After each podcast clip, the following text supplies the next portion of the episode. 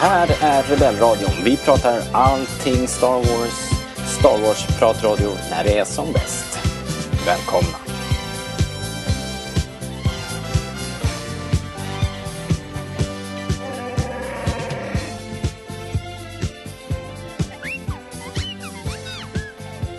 Du lyssnar på Rebellradion, svensk Star Wars-podcast i samarbete med Star Wars.se. Och jag som hälsar nya och gamla lyssnare välkomna heter Robert.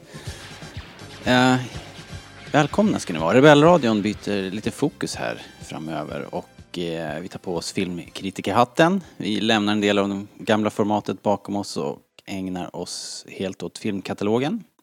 Star Wars, Skywalker-sagan är avslutad och som det ser ut nu så har vi inte någon ny biofilm i görningen just nu så vi passar på att ta en titt på de nio filmer vi har då.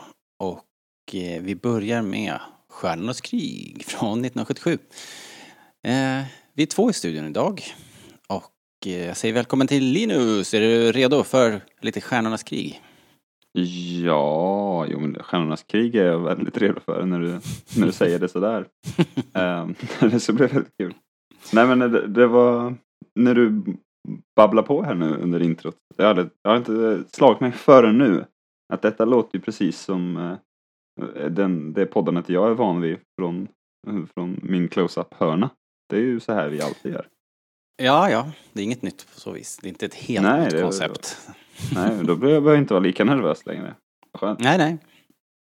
Eh, det som kommer att göra det lite, lite knivigt är ju att vi, vi ska liksom försöka att inte falla in i de här eh, liksom väl inkörda hjulspåren och prata om de tekniska bitarna och de här nästan sjuka mängden bakom scenerna information som vi har i pallet liksom utan, utan att faktiskt se filmen och prata om handlingen och sätta det, den här filmen i sitt sammanhang i Skywalker-sagan och eh, det tror jag blir mycket svårare än, än vi tror faktiskt. Men, jo, det tror jag med. Men också är det inte ganska uppfriskande? jo, det var det Tycker jag. Var ju det vi tänkte liksom att ehm, alla har hört eh, de här historierna nu eh, i, i år och dagar liksom hur George Lucas eh, brände ut sig, satsade allt sitt kapital, lånade pengar, hade ingenting att äta och eh, du vet, satsade stort och vann liksom. Allt det där har vi hört många, många gånger men men det som vi inte har gjort är ju faktiskt att titta på filmen i alla fall i det här sammanhanget, i podden, har vi inte tittat på filmen på det här sättet och försökt att... Filmen har vi sett innan. Film, filmen har vi sett, ja. ja just det, två, 200 miljoner gånger. Men, eh, men vi ska göra ett försök i alla fall. ehm, och eh, så att eh, jag tänker att vi kör igång. Yeah.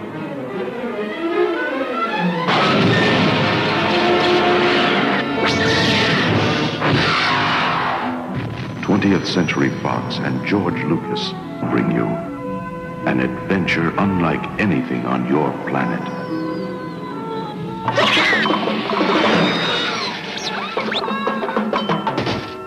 Star Wars. Stop that ship! Blast them! Julie, get us out of here! Oh my, I'd forgotten how much I hate space travel. Here they come. You're coming in too fast! The story of a boy, a girl, and a universe. Help me, Obi-Wan Kenobi. You're my only hope.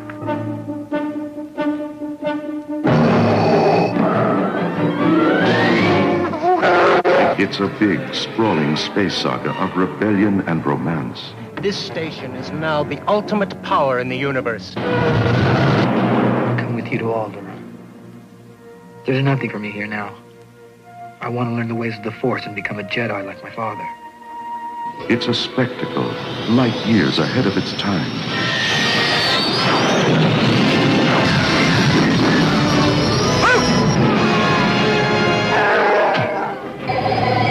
It's an epic of heroes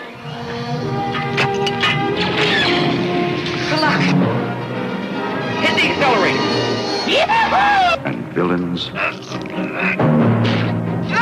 and aliens from a thousand worlds. Go that way. You'll be malfunctioning within a day, you nearsighted scrap pile.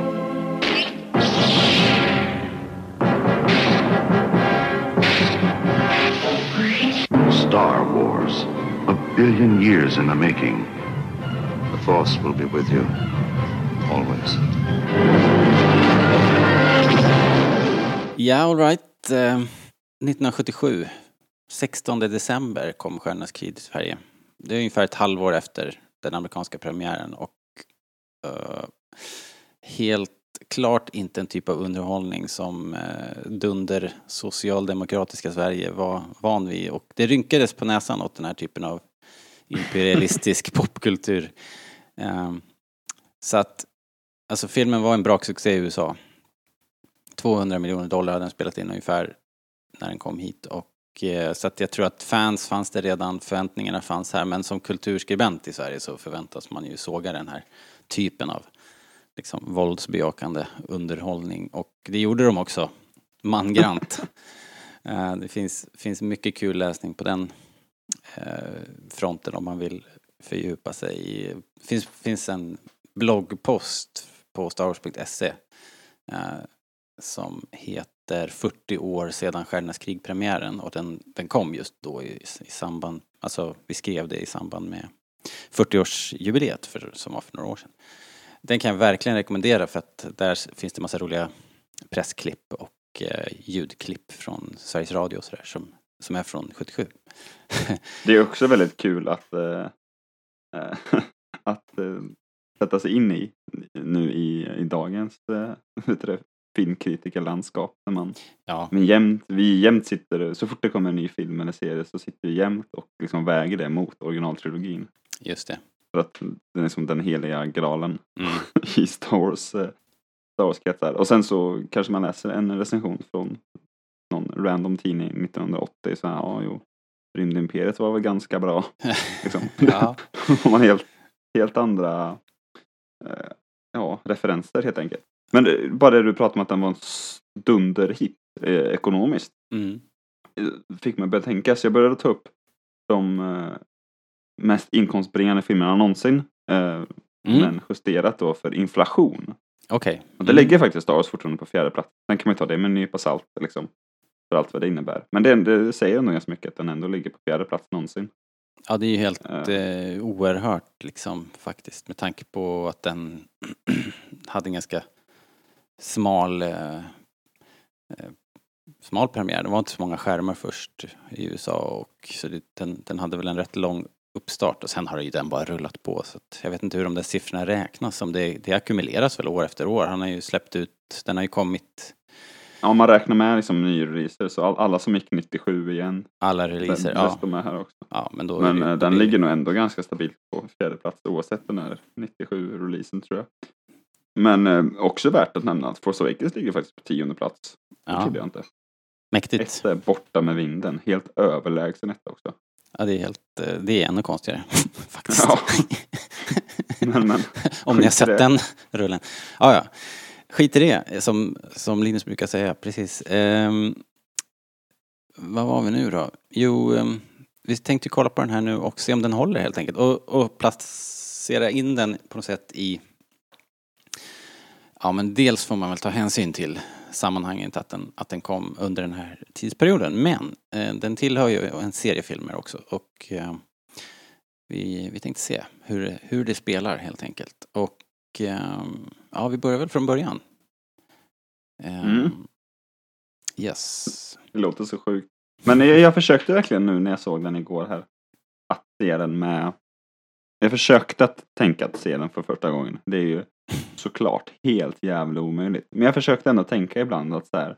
Ja, hur, hur reagerar jag egentligen på det här ifall jag aldrig sett det förut? Mm. Och, eh, och det är så svårt att säga. Det är klart, nu, det går ju inte att snacka skit om eh, liksom, texten i början. Eh, men, men hade man ändå inte rynkat lite på näsan liksom, om man såg det första gången idag. Men det är ju så pass superklassiskt så att det är ju lite untouchable också. Ja, du menar själva inledningen med att man går direkt till titel och den här. Och den här rullande texten. Det är ju verkligen ett, eh, eh, ett okonventionellt grepp liksom. Om man, I alla fall i dagens eh, blockbuster, liksom, hitfilmsmakande. Och det, placerar nästan ännu mer George Lucas i någon sorts, så här, verkligen en arthouse indie Mm. filmskapare som helt plötsligt blir super mainstream bara sådär. Alltså det har ju, det har, det har ju gjorts på andra sätt. Det, har ju så här, det finns ju böcker, eh, eh, gärna äventyrsfilmer från, från ja, den där typen av film som, som den här ju tillhör liksom, men du vet eh, eh, Blixt Gordon eller Slaghöken eller liksom Han äventyrsfilm. lånar väl detta rakt Ja. ur, ur Flash Gordon va? Säkert. Jag tror det verkligen. I den gamla serien tror jag Säkert. det är. Började exakt så. Ja. Men det kan ju vara, du vet som i Djungelboken, att det börjar med att man bläddrar i en bok och så fladdrar det fram några sidor och sen, så, och så, sen börjar filmen. Den typen av inledningar finns ju och finns nu för tiden är det nästan mer i historiska eh, typ krigsfilmer eller spionthrillers eller något som har en som har en eh, eller ja, det är den typen av film som jag gillar att se så det är kanske därför jag hittar men men där blir det ju man får, att man får en kort text, kanske två rader för att placera Mm. in det i en tid och en plats. Men, men då är det väl lite mer som i, ja, typ i Solo-filmen. Där, liksom, där rullar den inte utan den bara tonar in och ut liksom nya Exakt. stycken typ. Nej men exakt. Men den, liksom, den här rullande finns. grejen är ju helt förstörd för någonsin liksom. Eller den går ju inte att låna. Ja, den är liksom paxad. Alla, alla Ja. försök blir ju, blir ju bara en efterapning. Så att Det är likadant med den de har här. vi claimat. Ja men det är likadant med de här övergångarna i klippningen. Mm. Som, de, som sveper åt sidan. Det går ju inte att, att liksom. Det har ju blivit så himla eh, liksom associerat med Star Wars. Det går ju nästan inte. Ja. Men Men, om du, en vad, är det för Marvel skulle göra det skulle eh, vad är det för information vi får där då? Vi får, vi får höra att det är rebellernas första, har tagit några segrar och, eh, och sådär. Jag kommer inte ihåg. Striking from a hidden base. Just det, just det. De, de förklarar väl i stort sett exakt vad som eh, senare kommer att bli Rogue One liksom. Ja, Att, faktiskt. eh, de har lyckats eh, sno några planer och skicka upp till skeppet och Mm. nu är de på väg till eh, eller så här för att skaffa hjälp. Typ. Jag minns inte exakt vad det står. Racing Home eller något sånt där. Ja, Ehm, precis. Ja, precis. Det är manuset till Rogue One som flyger förbi där helt enkelt. Lite så är det faktiskt. Ja, Men det, det är en sån här, jag ska komma in på det direkt. För att det är så fascinerande med Star Wars. Att, att varje gång jag ser det så liksom, hittar jag en ny liksom, vinkel eller, eller syn, synvinkel som jag aldrig tidigare har, har fattat. Jag har alltid tänkt mig att Leia, C-3PO och R2D2 mm. liksom, känner varandra sen innan. Men det gör de inte. Nej, nej. Nej, det är så. För jag vet att jag gnällde på det i Rogue One att så här, ja jag fattar ju att R2 och C3PO ska vara med liksom. De är där och säger ja, they come to scary. Men jag tänkte så här, om man vill verkligen vara med dem känns det mer logiskt att de står liksom i samma rum som, som Leia på slutet. Ja, Men nu när jag såg den här, det är inte alls logiskt för att C3PO vet ju knappt vem Leia är. nej precis. Hon, eh, hon är bara någon passagerare på den där. Ja, och innan har jag nog alltid tänkt att hon, äh, att C3PO så här, små ljuger eller döljer sanningen lite för Luke. Så här, ja, hon, vi åkte båt med henne, typ. Ja, Eh, för att han inte vill avslöja vem det är. Men nu fattar jag att så är det inte alls. nej, nej.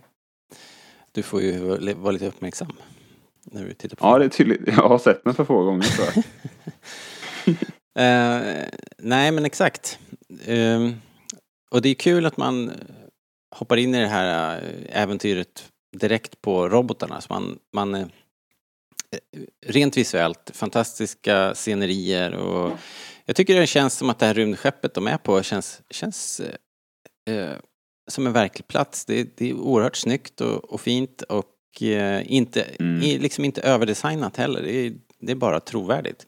Och robotarna fungerar ju direkt. Man blir ju väldigt förtjust i dem direkt. Och de har ju inte riktigt, en, eftersom det är tidigt både i Star Wars och, och eh, liksom eh, sagan så, så känner vi dem inte. Utan det här är vår första och, och det är som att rollerna är inte ännu karikatyrer av sig själva. Så jag tycker de är riktigt, riktigt bra här. Det är, eh, det är en väldigt spännande inledning och man, man, eh, det är självklart att vi hänger med robotarna på något sätt.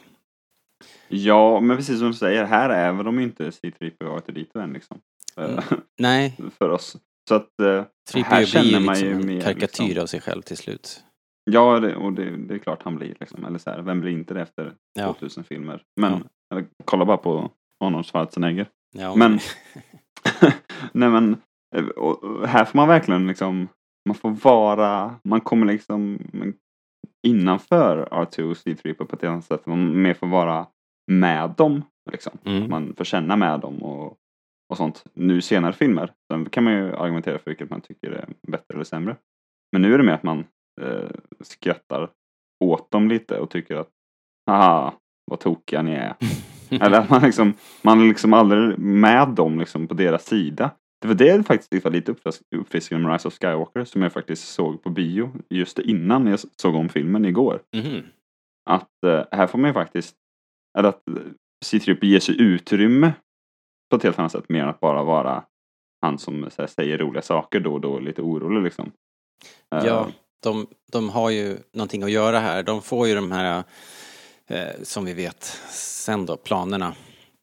mm, Eh, det är ascoolt att eh, Leia smyger omkring och är väldigt hemlig och, och eh, det är otroligt snyggt också allting här. Inte bara Leia, utan allt är snyggt liksom. Själva, det är oerhört snyggt filmat. Den Fotot är fantastiskt Fotot är fantastiskt, ja. När, när Leia träffar R2 sådär lite hemligt i liksom... Och håller i korridoren där. Ja, i korridoren. Det är oerhört snyggt. Och mystiskt, man vet ju inte liksom vem Leia är. Eh, Hon ser ju väldigt cool ut. ja, supercool.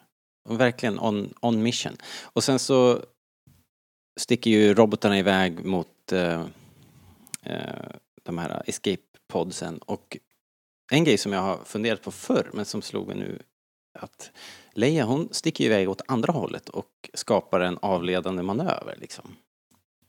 Eh, varför skjuter hon de här stormtroopersna liksom? Det känns ju helt... Eh, det är ju egentligen helt absurt. Men jag antar att det är för att eh, skapa lite avledning så att robotarna kan smita iväg. Ja, dels är det väl det och sen så vet hon att hon inte kommer. Hon får inte bli dödad själv. Eller så här. Hon fattar ju det att eh, regelboken tillåter inte att de dödar henne där. Mm. Så att hon har inte så mycket att förlora på det heller. Ja, kanske. Eller förstår du vad jag menar Ja. på det sättet? Jag tänkte att det var en avledande manöver. Men Jo, jo, det, det, är det, jo men det tror jag det är också. Men jag menar att hon dödar eh, han, stormtroopern där. ja, hon har inget att förlora liksom. nej. Att, eh, hon är ju prinsessan Ja, hon kan ju förlora Vad ska de livet, göra? liksom. Döda henne? Men eh, tror du att de får det? Får och får, det är ju Darth Vader shootout, liksom, "I want them alive." skepp. Alla, liksom nästan Ja. alla rebell eller besättningsmän är ju dödade där. Ja, ja. Eh, Men jag vill inte vara den stormtroopern som kommer med en död Leia så här. Ja, boss, du sa att du ville ha dem levande men hon sköt min kompis så jag... ja. Vi måste väl nämna eh, Darth Vaders entré också. Eh, Ja, väldigt, Det får vi väl eh, göra. Jag tycker han är cool. Han, han, eh, det här är ju också så- såklart svårt att som skådis att kliva in här och sätta, sätta rollen. Han, han har eh, en riktig entré. Han kliver in, kliver in i korridoren, ser sig omkring i korridoren och, och eh, ungefär som att han inte har sett en sån här korridor förut. Och sen så traskar han in vidare, stor och ståtlig som han är liksom. Vader. Men framförallt så är ju kostymen eh, helt ny, både för oss och för honom och den har en lite mattare look. Den är inte så den är inte så shiny. Ja, men exakt det om masken noterar vi här hemma också. Eller jag visste det innan men jag, man försöker ju tänka på saker nu när man vet att man ska podda om det också. Den är ju, det ser ut som att den har fått liksom, att han har tappat den många gånger ungefär. Den har mycket liksom, eh, skrapmärken och skit. Ja. Eh, Men i Empire sen så är den ju helt skinande, eh, liksom sprillans ny, får man känslan av. Det vet jag, det pratade Irvin Kershner om någon gång, att han jag vet inte exakt varför han ville att det skulle vara så. Men han ville att det skulle vara så, att det skulle vara bättre i Empire. Men vad problemet du- då var att du, eh, liksom? kameran reflekterades i, i masken. Jaha, Men, eh, Eh, vad jag tänker, här tycker jag att det passar väldigt, väldigt bra. Här, här är han lite mer gruffig som karaktär också Vader. Eller han är ju, han är inte lika mycket liksom on top som han är egentligen hela Empire. Nej. Att här är han ju lite mer liksom kavla upp ärmarna karaktär. Ja, exakt. Eh, så vill man liksom dra sådana paralleller så funkar det bra och i Empire är mycket mer elegant. Sen om man vill prata Ja. rent estetiskt så får jag nog föredra Empire också. Jag gillar när den är Apple clean liksom. Ja, jag vet inte. Jag, jag tyckte det här kändes eh, uppfriskande ändå. Det var lite coolt att se den här lite mer matt, matta finishen faktiskt. Ah, ja, skitsamma. Eh, Va, oj, vet du vad vi borde kolla upp? Nej. Hur ser den ut i Rogue One? Eller Ah, det. har de förklarat det in universe liksom som att den fick massa smällar där i korridoren? Hmm. Ah. Ha. Ja, det får man ju kolla hur... Det, den där typen av kontinuitetsfilm verkar de ju inte göra riktigt. Så att det ska bli intressant Nej, de har nog stenkoll. Men Ja. jag funderar på hur det... Ja, det får vi ju kolla. Nin- Ninja-googla här snabbt som du säger. Ja. En annan grej som vi ska, vi ska försöka komma vidare i handlingen i den här filmen. En, en reflektion jag gjorde i alla fall att Imperiet är ju både här direkt i, i inledningen och faktiskt genom hela filmen. De får ju ofta kritik för att de aldrig träffar någonting och aldrig skjuter rakt och så här stormtroops. Men de är oerhört effektiva både i att jaga ner eh, den här korvetten med, med Antilles och Leia och sen själva inbrytningen de gör i det här skeppet. Det går ju oerhört raskt att liksom ta över skeppet. Med, De gör ju den processen väldigt kort, Ja, det får man verkligen säga. Så de är oerhört effektiva och, och jag tycker faktiskt att Imperiet känns ganska farliga i hela den här filmen. De är, Ja, de är överallt, de är direkt. på hela tiden. De, rebellerna får liksom aldrig någon respit. Och våra hjältar är ju liksom jagade nästan hela tiden. Och alltid när våra hjältar, om man säger så, lyckas så är det är, de går ju aldrig i mål. Det är hela tiden en checkpoint liksom. Ja, Mm. nu har vi två minuter liksom. Man säger sen i, när de ska frita Leia där, liksom, I'm fine now, thank you, how are you? Liksom, okej, skit i det. Ja. Jag skjuter sönder den här, vi har två minuter. ja, Det är inte så att, ja nu kan vi dra. Det är liksom den hela tiden. hela, hela tiden. Ehm. och även på Tatooine så är det ju en, och det är ju ett- en så här, ett bakvatten, Tatooine. Och ändå så känns Imperiet väldigt närvarande och har koll och stoppar folk på gatan och Ja, där är ju ett jedi mind trick för att filmen ska ta slut liksom. Ja, och när de skjuter sig ut därifrån eh, och, eh, och drar med falken så är det ju direkt har de två Star Destroyers på sig och sen kommer det ytterligare två som man bara som bara nämns men som inte syns. Men Jag glömmer alltid de två stadies. Jag glömmer alltid den lilla, lilla ja, jakten efter Tatooine. Jag tänker alltid att de kommer undan när de lämnar Docking Bay 94, men det gör de inte. nej, Ehm, utan de är ju eh, jagade hela vägen in i hyperspace som, som det brukar bli. helt enkelt. det är Men- ju ofta så. Det är ju inte kul om de klarar sig med marginal liksom. Man ska Nej. klara sig på, på håret. nej, Men, eh, ja, nej det, är- det är ju fruktansvärt, fruktansvärt bra. Men eh, också någonting som jag reagerar på, bara om vi ska prata om eh, filmen, liksom, hur den, det är ju faktiskt vår första Star Wars-film. Liksom. mm, Att den, den sätter ju verkligen den här världen, eller då galaxen långt borta, om man vill vara så ja, eh, högfärdig. Liksom. Den sätter ju det jättebra tycker jag. Men så man får ju, vi får ju ändå några minuter med javorna och, liksom, och vi får se hur eh, de bor liksom, hemma hos Luke liksom, och vad de gör. Och sådana grejer, man får se liksom, allting känns så himla, det känns på riktigt på något sätt.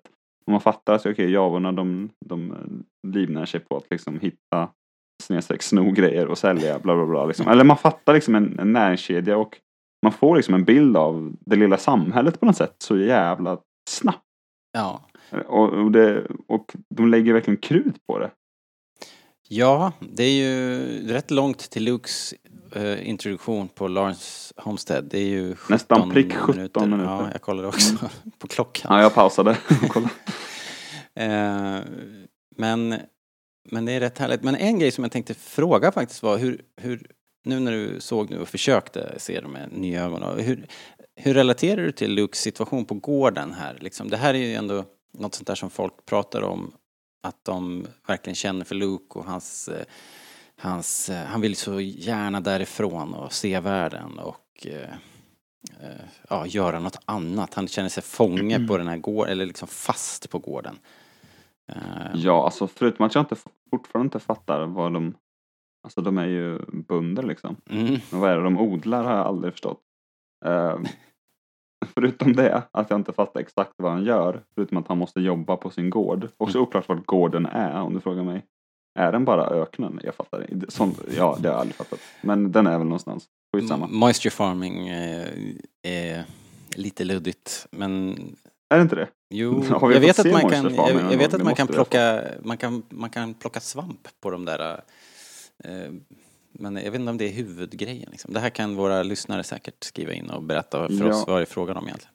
Men hur som Ja. helst så är han ju, han känner sig isolerad där av naturliga skäl, det är ju verkligen ödsligt. Och, men framförallt så har han ju en väldig lojalitet till familjen och, och även sen när Ben Kenobi börjar prata med honom och förklara lite mer om hans bakgrund, hans pappa och, och, och klonkrigen och eh, det här uppdraget som robotarna kommer med så är ju Lukes lojalitet fortfarande med Gordon och med Owen. Ja, det tolkar jag nästan som att när det blir på riktigt. Att säga ja, nu behöver vi, eller så här. Och liksom, you know about the rebellion against the empire. Och liksom när det faktiskt kommer nära honom. Så, ja visst, det är häftigt. Men sen blir han också rädd att det blir på riktigt. Eller så tolkar jag det. Han bara, nej, nej, jag kan inte. Ja. Eller så här. Ja, eller så tolkar jag det. det är ett för stort steg och Ja, ja, verkligen. Gordon men ändå det blir lite på riktigt också. Och sen så har han såklart sina, ja men typ föräldrar får man väl säga. Han tänker väl att det är, det är Mm. väl som hans föräldrar liksom. Så att, eh, och jag tycker också man, även om typ den enda scenen de är ihop alla tre, eh, Beru, Owen och Luke, så är de ju små griniga grälar liksom. Men jag tycker ändå man får en fin bild av att det är liksom en bra familj på något sätt. Och jag gillar speciellt den lilla, lilla korta biten efter att Luke lämnar middagen. mm, Eller så här, man förstår att det finns liksom ett ge och ta. Det är inte den här kanske klassiska stereotypa så här stenhårda, örfilande styvpappan liksom. nej. Som det Nej, kan de vara förstår att han är på väg bort men de vill inte riktigt Ja men så här, han, de förstår, han börjar bli gammal och sådär. Men Luke vill heller inte vara för oförskämd typ. Eller så här, så man känner inte med alla på något sätt. Ja, Ehm, och det tycker jag är liksom, den har en väldigt, jag tycker ofta de Star Wars-filmer som Lucas har gjort eh, har liksom en, en eh, human sida på ett helt annat sätt när det gäller sådana grejer. Det är mm, väldigt sällan svart på vitt med, med sådana grejer tycker jag. Och, eh, och då blev vi också, för vi ville bli ledsna när de dör. ja, Men om Owen hade varit ett as, liksom örfilat Luke och så här, du ska fan ingenstans eller så här. ja. Han är ju lite så, han är ju mer vresig. Men Som just han Utvandrarna liksom. Din lata lilla drängajävul. faktiskt- Ja, men han är ju liksom inte riktigt så. Även om han, han är ju mer att han vill eh, se om sin gård liksom. Och, och man förstår ju honom. Robert. Och det, Dräng. ja, men, och det tycker jag är jävligt bra, att man inte gör honom till ett as. Liksom. Nej, precis. Nej, det känns ju och, och, och ehm, ja, den scenen också när, när, eh, ja, när, när faktumet är där att de har bränt gården och Owen och Beru är döda och det är ju en oerhört kort scen. Men den Ja, ja, funkar men ju bra väldigt bra att man vet när han kör upp där och, och stannar så man vet ju liksom att det, det är kört. Ja.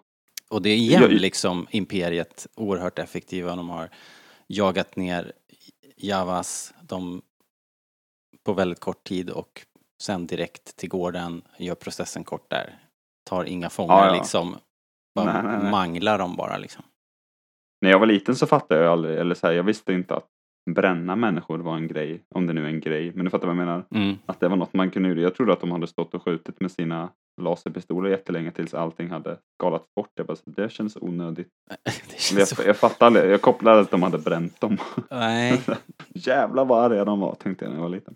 jag Men, vågade eh, ju knappt se sånt där eh, när jag var liten. Skelett eh, var ju superläskigt Okej. liksom. Jag var nog ganska avtrubbad tror jag. Jag vi hade storebror som tittade på James Bond och så här, och hade väl sett här, exploderande huvuden i Indiana Jones. Så jag var nog ganska så här, ja, det är ju roligt med äventyr. Tänkte jag. Fy fan. Våldsmani. Men vänta, du är inte så gammal att du såg den här på bio va? Nej, det är jag inte. Jag såg eh, Jedi på bio sen, så småningom. Så att den här Ja, jag eh, fick heller. jag inte gå och se. Och, eh, men ändå, sen när jag, väl kollade på det så var det nog med, med liksom lite grann så här mellan fingrarna, just den här scenen. Ja okej. Men Den men, är Och den, eh, det det är också tänkte på att den, det är en helt annan tid. Det där hade vi aldrig sett idag. Alltså att de brända skeletten liksom i, i de nya Star Wars-filmerna. Tror du det? Eh, ja, oh, vad fan. Och de ligger på dem ganska länge också. Ja, Det är inget snack om vad som hänt där. Nej. Men vad då? menar du att de skulle ha gjort det mildrat, mildare nu? Ja, det tror jag. Hmm. Det närmsta vi kommer är ju eh, Bulio i Rise of Skywalker. Han Ja, Mark fan. Hamill röstade. De Just. slänger upp hans huvud på bordet. Yes. Men det är inte så läskigt för, för blodet ser mer ut som slem och så här, det är inte ett människohuvud. Eller så här, det känns Nej, det inte sant. lika grafiskt. Nej. Det här är ju Mm. äckligt. Ja, det här är ganska creepy faktiskt. De ser ganska läskiga ut när man tittar på dem. Ja, nej, det kanske du har rätt i. Jag vet inte hur... Hmm. hur Men det är också någonting som är äckligt och läskigt för att det skulle lika gärna kunna hända alltså, i vår värld. Ja, men att, precis. så här, att Palpatine är lite äcklig och äckliga fingrar så här, det är ju mer det är ju mer sci-fi äckligt liksom. Ja, det Eller om du förstår vad jag en menar. Ja, absolut. Jo, Det här är läskigt liksom. Eh, På ett helt annat sätt tycker jag. Ja. Och eh, det, han gjorde ju lite samma grej med Anakin i Revenge of the Sith. Men eh, jag tror inte det, vi kommer få se något sånt i de nya. Det är svårt att se. Hmm. Intressant ju. Men du, innan vi lämnar Tatooine eh, så har vi ju en ganska viktig grej där med Luke. Ja, han, ja. Luke hamnar i trubbel med Sand, Sand People där och, och då dyker ju Ben upp. Lite sen på bollen kan jag tycka med tanke på vad han gör på Tatooine. liksom, Ja. Sand People har haft gott om tid på sig att göra slarvsylt av Luke men i alla fall så dyker han ju upp Ben och de eh, åker till Bens lilla hydda och eh, tar ett litet snack där om framtiden och då får vi vår första inblick i eh, dels Lukes bakgrund. Att han faktiskt har en annan pappa som, som eh, inte var, körde rymdfraktskepp utan faktiskt var en jedi knight. Han var ingen lastbilschaufför. Han var ingen trucker, nej. han var Och, samuraj. Ja, samuraj. och, och Ben var en jedi. Han identifierar sig inte med, som en jedi nu och verkar inte tänka på jedi-orden som en grej som finns. Men han var ju en jedi och han slogs i klonkrigen och allting. Och så får vi veta lite om kraften, att den mystiska kraften som finns runt omkring oss och påverkar allting. Och verkligen om man vill prata om att etablera saker Mm. väldigt tydligt eller så här lagom tydligt men ändå så pass luddigt så att vi vill veta mer. Det är first Vilken, steps, vilken verkligen. jävla scen det här är då. Ja, det är fantastiskt. Den är helt otrolig. Ehm, i, och nu också med all kontext vi har vad gäller Kenobi. Så vill ju jag liksom, då tänker jag i mitt huvud när han säger I was once a jedi knight, same as your father, bla bla bla. Mm. Jag tänker att det här är första gången han tar på sig sina jedi robes liksom sen han sen han spöar mål typ. Ja. Att han tar bara Eh, på sig dem.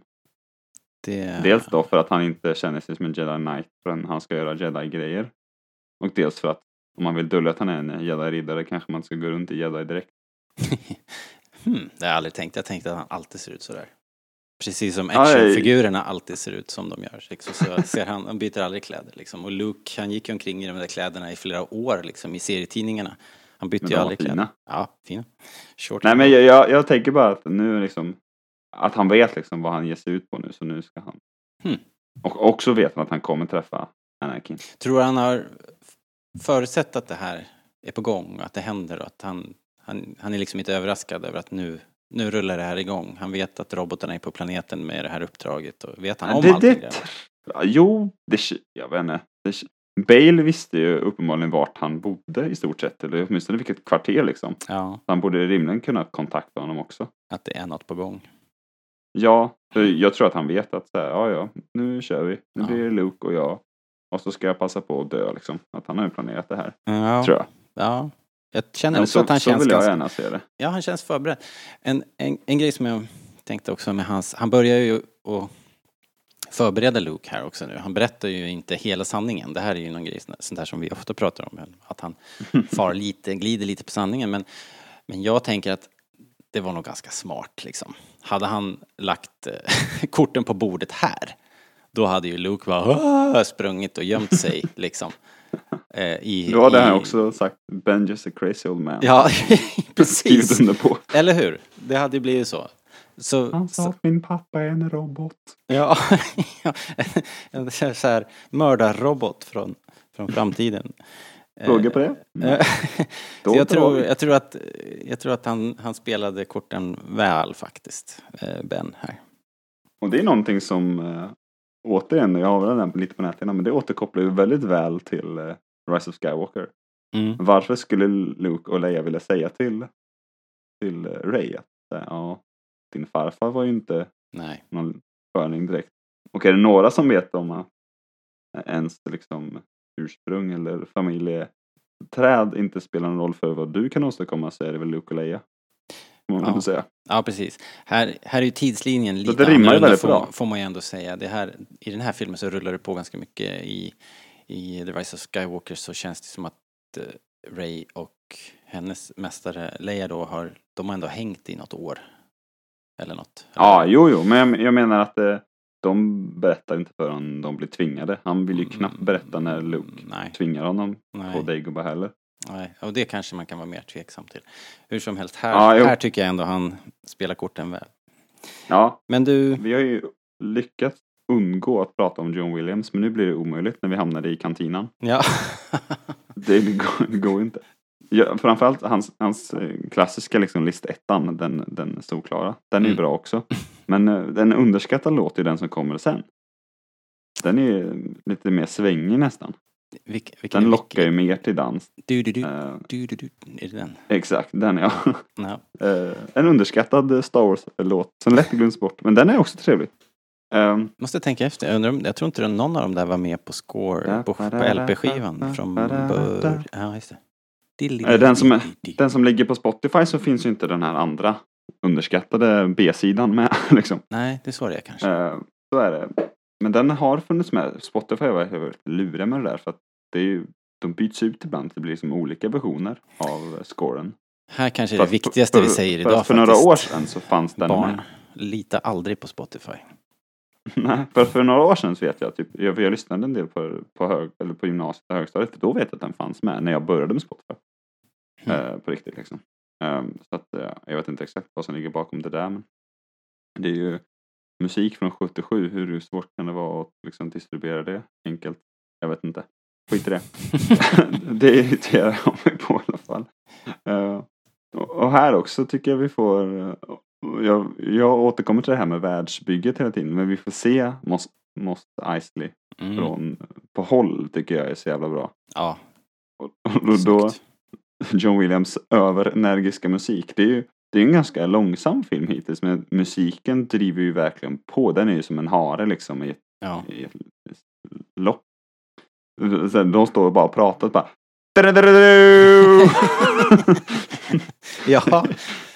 Ja, Det är ju exakt. skitbra. Ja, och, eh, Ja. och det är ju något, vi introduceras till dödsstjärnan också däremellan och det är samma sak Ja, där precis. liksom. En liten, dödsstjärnan har ju som en egen liten trudelutt. Dum, da, da, dum. Ja. Eh, Ja, väldigt coolt. sitter ju i ryggmärgen. Men, men eh, också det är så jävla kul när han säger You will never find a more wretched high of scum and villainy, bla bla bla. Och, och vill man prata, bara berätta, alltså hur väl berättad den är så bara på den där repliken så vet vi ju allt om Hans Solo innan vi ens vet att han finns. Ja, precis. Det räcker med att han sitter där på en bänk liksom så aha, Japp, här är liksom, se upp. ja, Ja, här är så jävla, den smyger liksom in ja. massa bra berättande utan att man märker det hela tiden. Det här är ju också klassisk markhamnen. Eh, om man ska prata film, historia och sådär så är det ju här, det är ju det här som är avstampet för äventyret. Eh, ben, den här mystiska eh, liksom trollgubben och den unga äventyraren och deras eh, robotar, de kommer till en rymdhamn liksom. Det är ju här hela världen öppnar sig på riktigt. Det är nu de ska iväg. Mm. Och så träffar de, som du sa, Solo som är, ja, det är uppenbart vad han är för en. Han är ju liksom rymdpirat, rymdkapten. Eh, det är så kul också för han gillar ju att vara upp, alltså så här, och även försöker tänka bort alla andra filmer nu. Så man märker lite, han njuter ju av att spela den här rollen lite. Och det blir så tydligt när, att han slår verkligen på sin tuffa liksom eh, fasad. Mm. Och är liksom cool och nästan så här, försöker vara någon street entreprenör när han förhandlar med Kenobi. Mm. Och sen så fort de har gått, han bara wow, fan vad kul med pengar Chewie så här, fan vad gött. Han blir han ju helt normal igen. Ja, Eller, eller ja, det kan vi diskutera. han behöver inte sälja in eh, längre liksom. Nej, nej, och den här scenen är ju helt idiotbra. Här ser man verkligen vilken, vilken tunt Luke är. Alltså fortfarande hur grön han är. Så här. Man ser verkligen Kenobi och Solo spelar ju liksom poker med varandra. Ja, Eh, och Kenobi vägrar ju ge Han någonting. Liksom. Han tycker att han är en supertunt, men det kan han inte säga. Liksom. Nej. Luke bara säger vi behöver inte sitta och lyssna på det här, bla bla bla bla bla. det, är så, det är så jävla bra. Ja, Och här märker man också det här är ju Jag vet inte om det handlar om skådespelaren i sig men också att här för första gången ges det ju verkligen utrymme till ett helt annat sorts skådespel än det vi sett tidigare i filmen.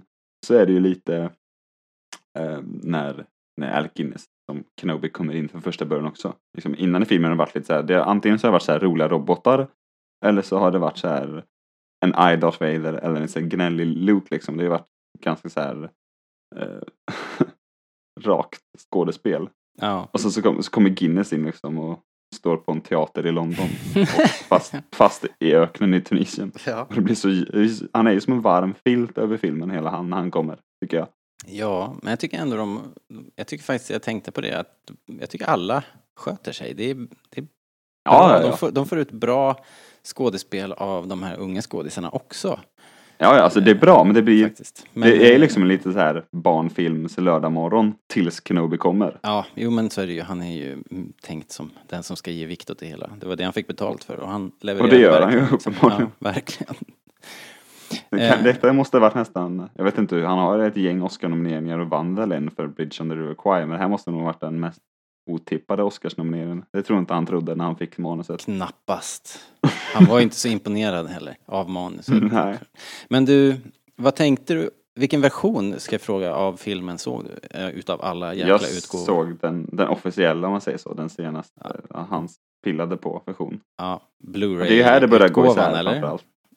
Eller var det Blu-ray-utgåvan eller var det Ja, den här den, senaste? den boxversionen 2011 kom den va? Okej. tror Jag såg den på Disney Plus.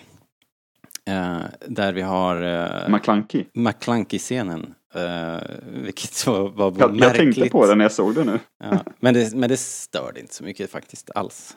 Jag tycker att Greedo är ju en fantastisk skurk. Jag älskar Greedo.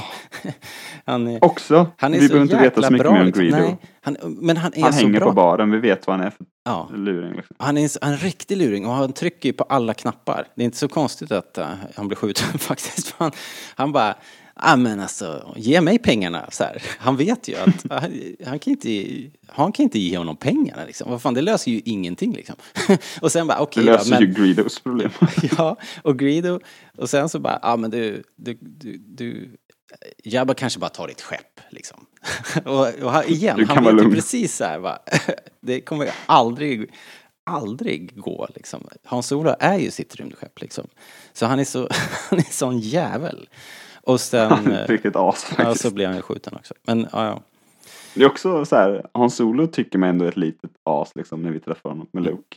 Ja, Men sen så vill vi ju George Lucas att vi tycker om honom också. Så då skickar vi in ett ännu större as. Ful grön jävel med en, en, en putande mun. ja, Då måste vi ju automatiskt gilla Hans Solo mer. ja. Så, så helt plötsligt är vi på han.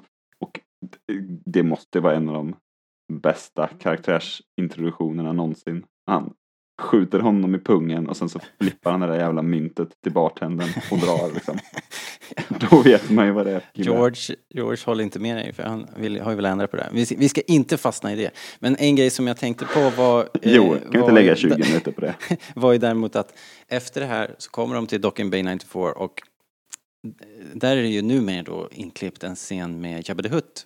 Och eh, om man bortser från försöker bortse från CGI som, som inte håller måttet helt enkelt för att Jabba ser inte riktigt ut som han ska.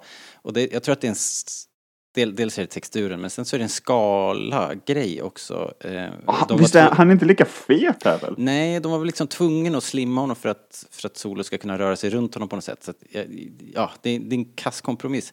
Men framför allt, om man bortser helt från det, så är det ju, det är fantastiskt skådespel. Men, men, filmen saktar ner liksom. Den tappar tempo. Och av den anledningen så tycker jag att det var, det var bättre utan den här faktiskt. Men det är en, men det är Vänta, en härlig se, hur hade den gått annars? Annars, hade Annars den gått hade det- rakt till att Luke och säga, ja, nu sålde jag min speeder. Exakt. Ja, jag ska ändå aldrig hit igen, eller Ja, hur? Exakt. Och sen in till, Och där rör det ju sig till där rör- Jabba precis var. Ja, Okej. Och de kommer in till, de blir skuggade av eh, den här... Garindan eh, S. Savor. Snooty Snoot. Och sen så in på... Long snout. Garindan heter han kanske. och, och, eh, ja, och sen skjut, skottlossningen och sen så är de iväg. Så att eh, Alltså- den, den sänker tempot där på, på ett märkbart sätt faktiskt. Jag är ju med dig på det.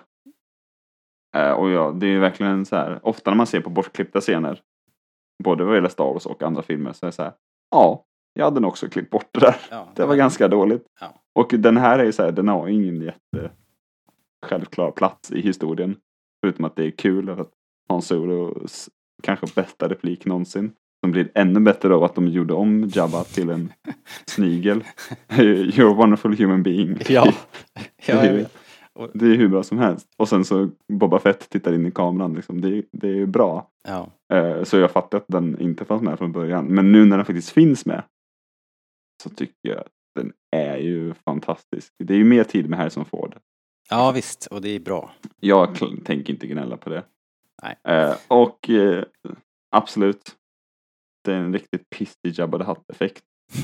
Ja. Men jag, jag, tror, jag, tror, jag tror bara att jag eh, hänger upp mig mer på att det, det är en kul scen liksom. Och sen så visst, det är en pissig effekt men eh, det breakar inte en annars bra scen, annars bra scen för mig tror jag. Eh, men, jag. Men jag hör dig. Och jag fattar att den egentligen inte borde vara där.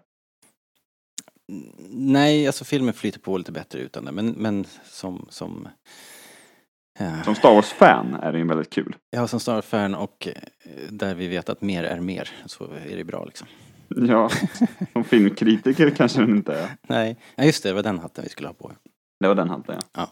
Men, eh, Men du, de är, de är iväg nu i alla fall. Nu lämnar de Tatooine. Eh, fantastiska Tatooine. Vilken fantastisk introduktion till Star Wars-universet. Och kraften har vi också fått på Tatooine eh, vid flera små och Lukes tillfällen. poncho har vi fått också. Lukes coola poncho. Den är ju Underskattad. underskattad och allt för lite cosplayad. Där Ja, den ska man kanske göra. Mm, faktiskt. Hmm. Alright, eh, de drar iväg. Här får vi lite jedi-training då eh, ombord på skeppet. Eh, ännu mer liksom eh, mystik och, eh, och Hans Solo får komma in som skeptiker. Han sitter ju där och fnissar och säger att det här är ju bara trams liksom. Eh, men vid det här laget, liksom en timme in i filmen, så vet ju vi som, som, som biopublik så är det ju ingen tvekan om att kraften är på riktigt. Vi har ju redan sett liksom flera moves. Vi har ju sett eh, Ben göra det här jedi mind tricket och vi har, ju, vi har sett vid det här laget Darth Vader strypa eh, eh, Eller taggy eller? tagg eh, vid bordet där liksom. Ja, just det. Eh, så att det är liksom ingen, ingen tvekan. Så därför så undrar man lite så här vad... Det blir... Det är inte som att publiken... Att, det, att det är något frågetecken utan vad det gör är väl bara att eh, eh, ge lite mera exposition och utveckling på Hans Olo-karaktären. Och eh, Kenobi-karaktären. Man älskar ju Kenobi för att innan det varit så här, ja ja, han snackar, men han kan säkert flyga bra liksom, Han Solo. Mm. Men sen så, så, så säger han ju ifrån Kenobi till Han Solo när han börjar babbla om att ha tur liksom. Ja, just det. Och då blir han ju riktigt irriterad. Det tycker jag är riktigt snyggt också. Sen så är ju Hans Solo irriterad när han kommer in i rummet för att ingen säger tack. Nej, just det. Det är ingen som uppskattar Don't hans, everyone eh, thank me for once. hans amazing skills. Ja. Eh, ja. eh, en grej som jag, ja de, de är ju o, ovetandes om eh, problemen här för Leia och eh, Leia och Tarkin håller på och kör mind games och eh, det slutar med att Tarkin spränger Alderaan och eh, det här är ju... Dåligt tecken. Ja, verkligen dåligt eh, och eh, brutalt. Återigen liksom, imperiet i den här filmen eh, håller inte på att larva runt liksom. Och jag undrar fortfarande vad Leia har emot Dantooine alltså. Hon försöker få Dantooine sprängt. ja, hon vet Hon att, måste- men det kanske är bara en hennes- över, liten övergiven måne där ingen bor liksom. Hennes ex bor där. Ja, just det. Precis. Eh, Jag vet inte. payback. Men nu, det var ju aldrig något man tänkte på innan och så kan man, har man alltid tänkt att ja, men hon kanske inte visste vad de skulle göra. Men så ser man Rogue One bara, Leia ett as. ja, just. Ja, just det. Men hon kan... Eh, Dantooine. Ja, just det. Ja, hon vet att det är ett planetdödarvapen hon är på. Hmm. Jättetaskigt. Ja, men Dantooine kanske bara är... Det är kanske bara, bara en dammboll liksom. Eh, Alright, eh, vad skulle jag säga? Jo, en, en grej som jag... Om vi nu skulle kolla på hur det här håller och, och hur logiskt allting är. Det, det, jag tycker faktiskt att den är, den är ju liksom trovärdig och historien är jättebra men den har några ställen där, där den blir lite mera Uh, lite mera Blixt Gordon och eh, i, i, i ett, ett sånt tillfälle är ju när uh, de har fångat in Falken på dödsstjärnan och eh, Vader förklarar för, för Tarkin att eh, de, de, de är här och jag känner Obi-Wans närvaro och de måste försöka lämna tillbaks planerna till prinsessan, säger han. Så här, bara, eh, det? Ja, they must be trying to return the stolen data tapes eller någonting. Eller the plans. Vad fan ska det åstadkomma undrar man ju lite försiktigt så här. Vad, vad är det för plan liksom? Jag vet inte. Vad skulle det... vad skulle det möjligtvis kunna liksom åstadkomma? Vad skulle förändra? Alltså jag antar att han menar, liksom, eller så kanske jag bara inte vill Få höra ditt bästa Ja. försvarstal. Eller så kanske jag inte vill att det ska vara, det kanske behandlas som att, att jag inte vill att Star Wars ska vara dåligt. men, men jag antar och tror att han menar att det är så att hon kan fortsätta sitt uppdrag. Typ. Mm. Men sen så tänker jag samtidigt att det borde ju Vader tycka är bra. De får gärna ha planerna mitt i dödsstjärnan. Eller hur? At Ja. the detention level. Please, please. ja, precis. Det Lås in Det dem. vore bra om ni gick och låste in er. Nej, men det, det var, jag tyckte bara att det var så här. Jag såg det igår så tänkte jag fan det här var ju märkligt. Märklig, märklig slutledning från en, ett, ett par andra, annars liksom hittills, ända fram till dess väldigt så här kompetenta och farliga skurkar så blev det helt plötsligt bara va? Vad menar ni? Jaha. Ja, ja. Och sen en, Jag, jag, det jag hakade upp mig på den scenen och kanske därför jag inte ens noterade det här du pratar om. Det var att jag har aldrig tänkt på förut att Tarkin säger att ja, men Kenobi måste väl ändå vara död eller? det var ju aslänge sedan han höll på. ja. Det, eh, det säger om inte ens Tarkin har koll så säger ju det ganska mycket om man nu liksom med alla serietidningar och grejer i ryggen vill prata om så här, ja, men hur, liksom, hur hänger allt ihop, hur kända är de, bla bla bla. Om inte ens Tarkin vet att Kenobi lever mm. eller, eller så här, eller dessutom är ganska säker på att han lever. Det låter som att han inte, han inte ens har tänkt på Kenobi på 20 år liksom. Ja Nej. just det, den där gamle grabben. Men 20 år är ju Eh. också en ganska lång tid ju. Ja, ja men jag menar, jag en menar det säger mycket liv om att liksom. Jo men jag menar det säger ganska mycket om eh, om, om Jedi-riddarna och då även Obi-Wan och även Yoda i förlängningen. Ja, verkligen. Hur, hur ofta de är och att de faktiskt lyckats gömma sig ganska bra. Ja, och ligga, verkligen ligga lågt på alla sätt. De, Mm. har, de har inte gjort något större bråk. Detta är... Oh, vet du vad det här betyder? Vad betyder det här? Tror jag. Det här betyder, det spekuleras ju ganska mycket i att att eh, Obi-Wan och Vader kommer mötas i den här Obi-Wan-serien. Detta talar ju starkt emot det. Ja, ja, nej, det kan de inte göra. Nej, Impossible. och Obi-Wan kan inte ens komma i närheten av Imperiet, tänker jag. Nej, det måste nog, det måste nog hitta andra skurkar och andra saker att göra. Om man inte är helt så här, tar på sig en sån här svart eh, James Bond kommando outfit och eh, smyger runt liksom inkognito liksom. Men han kan Men ju... då kommer det ändå florera rykten om jedi-riddare tänker jag. Ja, han får inte göra några här. jedi moves liksom. Nej, men ska, han- då blir det ju som då blir det John Wick på Tatooine istället. Det är inte lika kul. Det kan bli hur kul som helst ju. Du hör ju själv hur det låter. John Wick på Jo, jo, men, men inte med gamla Ben Kenobi kanske. Eh, ja, hur som helst. Star Wars eh, Expendables crossover. oh, shit. Qui-Gon Jinn. Mace Windu med en arm. Det, då, Det lär är ju, då lär ju Grief Karga dyka upp. Det kan Eh, fan på. Eh, ja, nej, men det var bara en sån grej. De, de, I övrigt så är ju eh, börjar ju saker och ting hetta till här. De är ju verkligen i in the belly of the beast. Mitt i dödsstjärnan. Ja. Och härifrån till eh, är det ju liksom Formel 1-race ända in i mål. Mm. Nu har vi inte tid för några långsamma Hans Solo och Jabba the Hutt-scener längre. Nej. Nu jävlar kör vi härifrån. Det är, och det är väl ungefär nästan en timme in i filmen de landar i hangaren där. Ja. Därifrån är det ju bara fullt ös medvetslöst. Det, är, det är ju det bästa med hela filmen.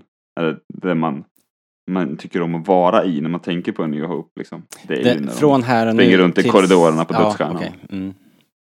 Ja, Det tycker jag är helt underbart.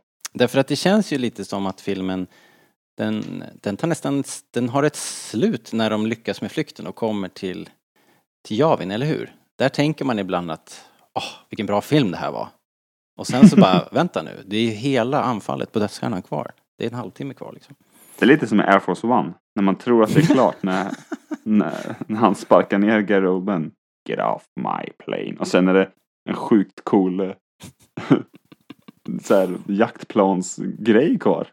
Jag tycker vi Eller aldrig, som i mer, alla jag tycker vi aldrig mer jämför Star Wars och Air Force One faktiskt. Men det är som i alla Alien-filmer. Ja, Här kommer akt fyra. just Va? det. Ja men eller hur, det, det, det känns faktiskt som att eh, Dödsstjärnattacken är akt 4. Ja, man väntar sig den inte riktigt. Nej, inte riktigt.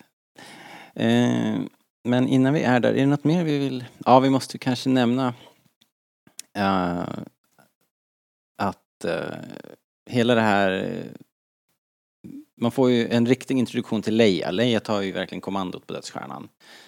Och Mm. cementerar henne för all framtid som, som våran favorit eh, action princess number one liksom. Och eh, man kan ju förstå att, att liksom eh, hon är ju inte helt unik i världshistorien kanske fram tills här såklart. Det har ju funnits andra eh, kompetenta kvinnor med, med eh, liksom Typ Alien. Agency. Ja, men jag tänker vid den här tiden. Jaha. Ja, Alien var ju först två år senare. Ja, så att, så, Eh, men det finns det säkert på. exempel. Men, men hon, hon är ju ändå eh, något av en pionjär. Och så man kan ju förstå att, att eh, tjejer och kvinnor har, har tagit henne till sitt hjärta. Att hon håller en, en ganska unik eh, position liksom. Jag som, som vit medelålders man ska väl inte fördjupa mig i det här kanske. Men, men jag förstår att det är så och, och eh, vem älskar inte Leia i, i den här filmen? Hon är ju Ja, supercool liksom. Tar ingen skit. Det är också, det, är- ja, det är också briljant skrivet tycker jag. För att Lucas vill ju samtidigt ha sina, sina arketypkaraktärer liksom. Och det Mm. har han ju i varenda jävla karaktär i stort sett. Eh, och, och då finns det en tydlig mall för Leia att formas efter, vilket hon ju till viss del gör. Hon har ju också en helt, en helt annan sida. Eh, för hon har ju också den här liksom, damsel in distress-grejen, liksom, att hon Mm. ligger, ligger och ser söt ut och det är synd om och vi måste rädda henne. Hon har ju det också. Men när hon väl är räddad så är det så här, ja ni har ju uppenbarligen bara haft tur.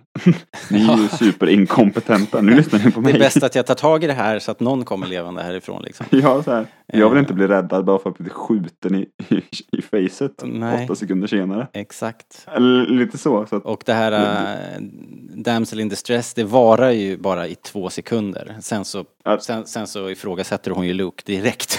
liksom. så Så här, har ni ingen plan? Eller så här, vilka är Vad gör ni? Ja. Så här, vem är du? Eller var är Kenobi? Så här, vad håller ni på med? Ja. Ehm, och sen så, eh, ja, det är så kul också. För Hans Solo tänkte sig att det skulle bli precis tvärtom. Det är det Exakt. roligaste. Ja, verkligen. No rewards worth this. Han... Eh, ja, Det, det är också en sån där replik som kommer förbi farten. Som man nästan inte tänker på att den finns. Men som aldrig skulle sägas idag tror jag. Eh, Och jag tycker att det är väl... inte i det det är här roligt. sammanhanget liksom i alla fall, där att han, för att han känner sig nergjord av en tjej. Liksom. Nej men ja, det, det kommer en annan replik som är, som är, väldigt, som är väldigt kul. Alltså att det, det ger en tydlig bild av karaktären liksom och det blir en rolig dynamik dem emellan. Men det- det skulle aldrig läggas fram på det sättet idag. Han, efter att de har tagit sig ur eh, eh, trash compactorn och de liksom, de tvättar av sig lite där och rufsar till håret. Väldigt, sen eh, här- väldigt bra tillfixat ändå. Efter att ha varit Ja, ja, här i, ja, i en ja. eh, septic-tank så kom, de kommer ut ganska eh, rena och fina får man säga. Har du hört när eh, Mark Hamill pratar om det? Nej. Ja. Eller ja, det har jag säkert gjort. Jag kommer Jo, inte ihåg nu. det var ju- det är ganska nyligen tror jag. Men Då hade han sagt någonting med så bara, men borde inte mitt hår vara så här, alltså när de skulle spela in typ Ja. den scenen. De sa, men vi har precis varit i Trash Compactor nu, borde inte mitt hår vara så här alldeles Blött och geggigt, rufsigt. liksom? Ja, och då hade Harrison Ford tydligen sagt, jag tänker inte imitera Harrison Ford, men Mark Hamill gör det väldigt bra. Ni kan kolla upp det här klippet säga, Hey kid, this is not that kind of movie. Han har bara sagt. Eh, Men i alla fall den här repliken då, som Harrison, eller Han Solo slänger ur sig. De säger, if we can avoid any more female advice. Mm. det skulle jag aldrig säga idag. Lirar Det inte ju- riktigt.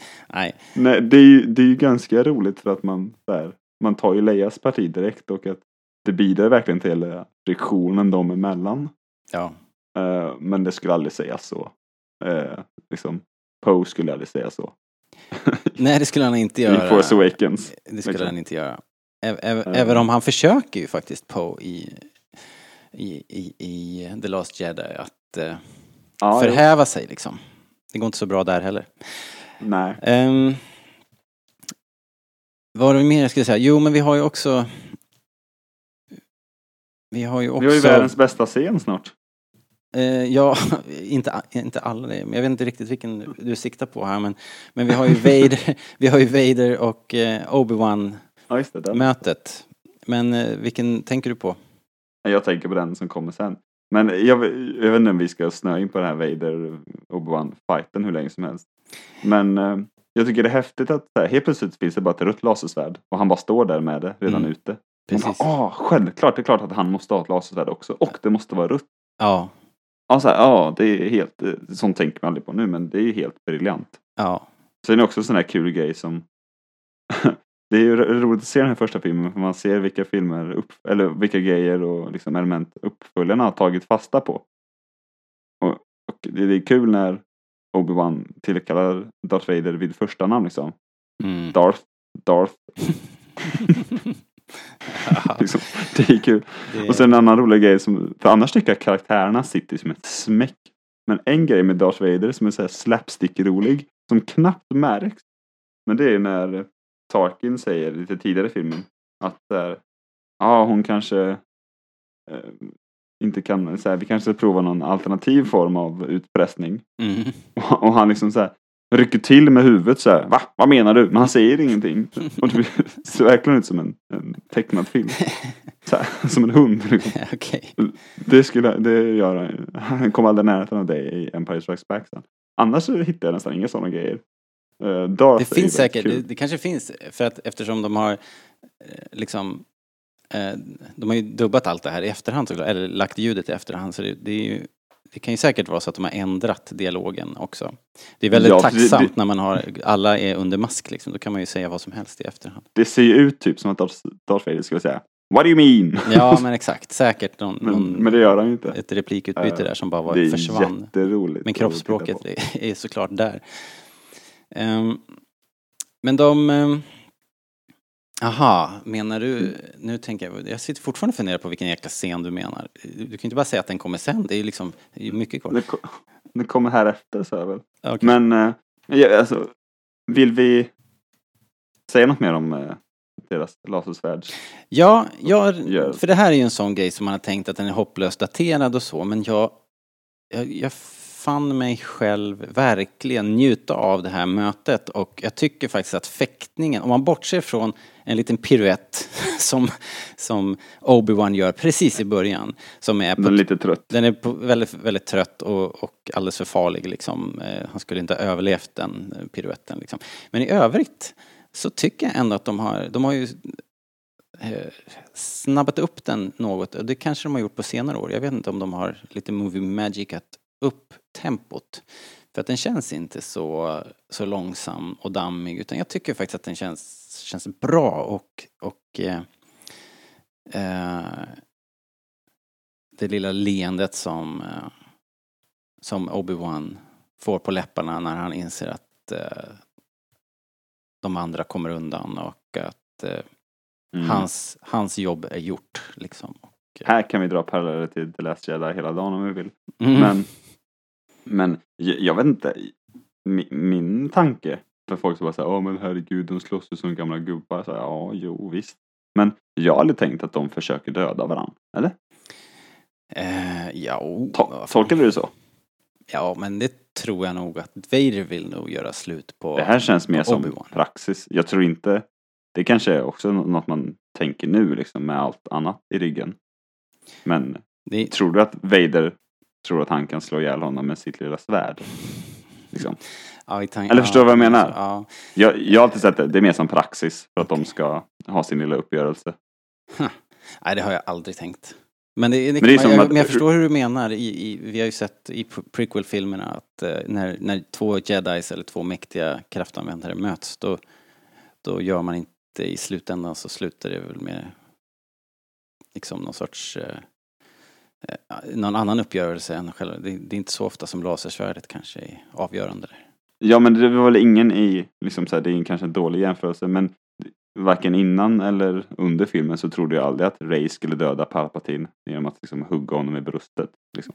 Nej, det, Eller det hade så kanske här, det är mer så här, det måste ske för att det måste ske liksom. Att det är inte så det kommer.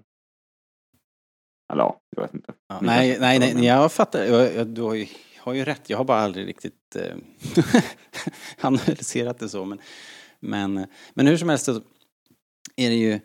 Eh, jag trodde inte att jag skulle gilla det så mycket som jag, som jag gjorde i den här gången. Den här diskussionen blossade ju upp på nätet ganska kraftigt för något år sedan när det var någon som hade gjort en, liksom, en cool version Mm. av den här fighten. Du har sett den gissar jag? Ja, det är en fanfilm får man väl säga. Och, Ja, och då, och då börjar folk säga ah, ah, det här är min nya kanon, det här är så mycket bättre. Och jag hatar den Alltså gör det? så mycket. Huh. Alltså det är klart att de har väl koreograferat bra, de vet väl uppenbarligen vad de gör. Men man får ju liksom ingenting av man, det är bara osar ju historia mellan Kenobi och Vader bara de tittar på varandra. Ja, exakt. Det finns ju inte alls i den versionen. Man Visst, sen är de duktiga på att snurra och slåss med svärd. Det är Liksom. snyggt gjort. Ja. Nej, Ja, men, ja, det, är precis. det, det skiter jag i. Kenobi är för mycket på defensiven i den eh, fanversionen liksom. Ja, det Här- kanske är, det minns jag inte. Men den är för flashig och för mig handlar det inte om att om fighten så mycket som jag är inne på. Det är mer att de pratar liksom så här. Ja, precis. Ja, nu tror du att du är tuff va? Det ska du få se. Ja, det är kul för att Obi-Wan har det mentala övertaget fortfarande efter alla år. Liksom. Ja, Det är fortfarande Anakins master här som, som pratar och då lyssnar Vader och, och är på defensiven och har inte initiativet någon gång riktigt. Så det nej, är coolt. Det är riktigt coolt. Ehm, Men så här, vad, vad ska man svara när allt Vader vill är att döda honom? mm. Och då säger jag, ja, döda mig du. ja, Det kommer bli sämre. Så här, vad svarar man då? Det blir bara värre för dig liksom. Ja. Ja, Det hade ju inte jag gjort om jag var du. Nej, exakt. Den kan man alltid ta till. kan man ju ta med sig i vardagen. Så här. Om man skulle bli rånad här nere vid Mall of Scandinavia så bara, ja, visst, gör det du, men det kommer bli värre Ta för min dig. plånbok, liksom. du. Ja. Ska vi få se. see, you, see you around kid. Ehm, ska vi... eh, helt, helt sidospår nu, men kommer du inte ihåg det? Det var ju Det gick ju viralt för några år sedan när det var en kille som hade avstyrt ett riktigt rån genom att citera Jules ur Pulp Fiction. Nej. Jo, det är helt sant. Hela den här grejen på slutet så här. Ja, ja, du tror att du så här. Fan vilken George hem Costanza istället. move liksom. Fy fan. Han, han, det är ju presidentmaterial alltså. Ehm, eh, eh, eh, ja, ska vi gå vidare kanske? Ska vi ta den här eh, slutstriden, kampen eller anfallet på dödsstjärnan? Och, och det. Ja, men jag, jag, den bästa scenen i filmen är ju när de flyr från dödsstjärnan första gången. Med Ah, du, du menar det. Ja, det är ju är ju intensivt. Du, det... ehm, där tänkte jag mest att eh, det, var, det är så himla roligt och kreativt att eh, de här eh, kanontornen i Falken, eller liksom platserna som Luke och, och, och Han sitter på och skjuter där, de, de, har liksom en annan gravitationskälla. Ja, ja. Det är så jävla liksom. snyggt. Det är så Så kul, därför, liksom. för mig när jag var liten så fattade jag aldrig vart kanonerna var. Nej, okej. Eller så här, jag bara, vad fan, vad är upp och ner egentligen? Ja. Han går ju ner, men han sitter, eller så här, jag fattar ingenting. Ja, och sen så är det coolt för de filmar ju rakt ner i det där schaktet och då ser man den andra längst ner där liksom. Ja, liksom, han bara tittar ner, alltså det är ju som en stor korridor, Ja. liksom. Rätt igenom Falken. Det är Det väldigt är roligt. jävla häftigt. Också direkt efteråt så här, Hans Solo är askaxig. Jag kollar vad jag gjorde. Jag bara, ja, jo, jo. Hur svårt kan det vara? Så här, de lät oss gå, din idiot. Ja, precis. De, eh, också en rolig replik från Luke. I care. Ja, ja den, Det är bra. Den, eh, den är väldigt, väldigt användbar faktiskt. Den eh, citerar jag emellanåt. uh, Chewbacca har vi inte pratat så mycket om alls. Han är ju, han är ju co-pilot verkligen. Och eh, vi har ju sagt i många andra, vi har sagt i många andra sammanhang att han behandlas ju lite styvmoderligt här som en hund emellanåt. Eh, men generellt sett så är han ju bara jävligt snygg och eh, jag tycker ändå han är kompetent här i, i de här scenerna liksom. Även om han får minimalt med plats. Han har ju egentligen ingenting att göra. Eh, sådär. Han är med en god gubbe liksom. Han är en god gubbe, han Ja. driver liksom inte handlingen framåt på något sätt. Men han bondar med Leia. De kram, har ju kramkalas där. Ja, precis ja. Exakt. Eh, det är ju kul. Ja, faktiskt. Eh, liksom. Men jag vet inte, klockorna klämtar ju på här ganska bra. Vi kanske ska hoppa till att de sticker ut på det här äventyret. Ja, eller hur? Vi får nästan ta det. Eller De- på det sista. Det finns ju, och här finns ju också en bortklippt scen när han träffar Biggs och Mm. Red Leader. En Den var åter och- in, åter in, Men den här tycker scen. jag är väl, Satsning. den här hade jag verkligen saknat om den inte var med. Eh, ja, jag tror att de tog bort den för att den, den, eh, den innehåller, och det kanske fortfarande är borta när jag tänker, för, för, det är Gold Leader va, eller Red Leader som han pratar med. Red, Leader och Biggs. Just det, och eh, de refererar i, ursprungligen till Lukes pappa. Och det där klipptes bort. Aha. Eh, för att han, det antyds där att Red Leader har fly, flugit med Anakin. Eh, men det är inte med ju, nej, så de har lyckats jobba runt det på något sätt. det har de klippt runt. Ja. Men i alla fall- Oj, det hade jag ingen aning om. Finns det att se någonstans? Eller, har- Så har den jag bland, eller så blandar jag ihop medium här, att det kanske står i serietidningen eller någonting. Ja, Ja, skitsamma. okej. Men, eh, ja, men jag håller med, den scenen är ju eh, cool eh, och liksom nästan helt nödvändig för Biggs. För att annars Ja, är för ju Biggs han... nämns ju i början också, eller hur? Så man vet ju vem Biggs är. Ja, Eller så här, jag menar, hade inte den här scenen varit med så hade ju Biggs ändå inte varit någon främling när han dör i rymden. nej, Så det är ju mer att understryka någonting som redan finns, Ja. snarare än att etablera något nytt liksom. ja. Och, Så därför tycker jag det sitter snyggt. Jag tycker också det. Så ut, utav de scenerna som har kommit tillbaks så, så tycker jag nog att den här känns mest relevant liksom och, och faktiskt Den gör skillnad nästan, jag blev för, chockad när jag hörde att den inte var med i originalet, för den känns ju superväl placerad där tycker jag. Ja, exakt. Och, och, och det laddar ju slutscenen i, i den faktiska trench run mycket mer liksom. Med, man vill, Ja, man, och, och vill man prata lite så här kontinuitetsmässigt så hade ju annars gått från att Luke var tjurig på Han Solo till att han så här skojar och nästan så här rufsar om Arthur i håret. Typ så här. ja, Vi har varit med om mycket. Ja, här, och då är jag helt plötsligt jätteglad sen efter. Så därför blir det blir en ganska snygg brygga för han går ju runt och är lite deppig liksom. Ja. För att hans han- kompis Jag inte tänkte på det hans också, att han kompis. studsar ju verkligen ner i cockpit. Och sen så kommer Biggs liksom. Mm. Då blir han glad igen. I told you I'd make it someday. ja. ja, det kanske inte är Mark Hamills finest hour faktiskt, när man, om vi ska prata skådespel. Men, men, eh, en bra scen i alla fall. Han gör så gott han kan. Ehm, en annan grej som jag funderade på när jag såg, för de har ett litet snack, det blir ju lite moral eh, här med Hans Solo. Hans Solo han tar ju sitt pickpack och drar. Han skiter i den här revolutionen. Eh, Better her than me. ja, ja, det också, Lite, precis. lite, men det är ju tidigare, men det- är lite samma grej här. Ja, han, han, är, han är inte med i det här revolutionsgänget. Och, och det är intressant också att det pratas om en revolution här. Eh, Det är inte liksom världskrig. Utan det är ju en rebel insurgence. Och det är, nu för tiden så, så liksom i den här världen som vi lever i så en sån här organisation som rebellrörelsen stämplas ju eh, direkt som en terrororganisation.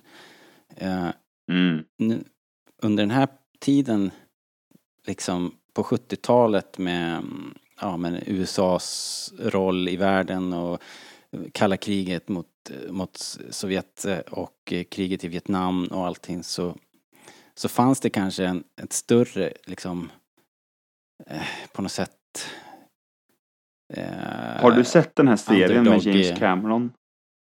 Eh, Vad heter den? James, James Cameron Story of Science Fiction och sånt där. Och den, nej. den går ut på en serie intervjuer med liksom olika, det är typ såhär George Lucas, Ridley Scott, Okej. uh, Guillermo del Toro. Vart kan man se och den? sådär.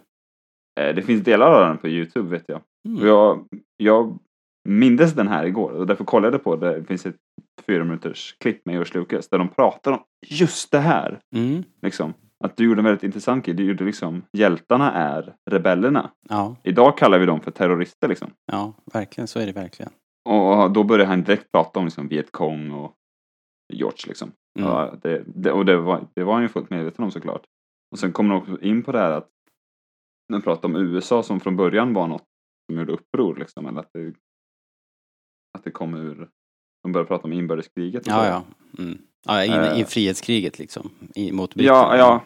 Ja, jo, precis. Och även i eh, inbördeskrig pratar de sen. Att, Okej. Och att det går från det till att nu, så, nu är vi väldigt stolta över att vara världens mäktigaste, rikaste land med den största militären. Liksom. Och Mm. Verkligen, så är inne och snuddar på det att man blir det man slåss mot. Liksom. Ja.